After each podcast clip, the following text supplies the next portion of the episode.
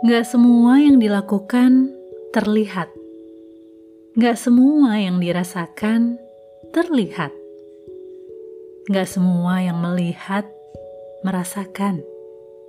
Gak semua yang mendengar memahami. Tapi buah dari semua yang dilakukan dapat dirasakan meski tidak diucapkan. Rasa tidak bisa direkayasa, tidak bisa ditawar. Ia nyata sebagaimana yang dirasa oleh si perasa.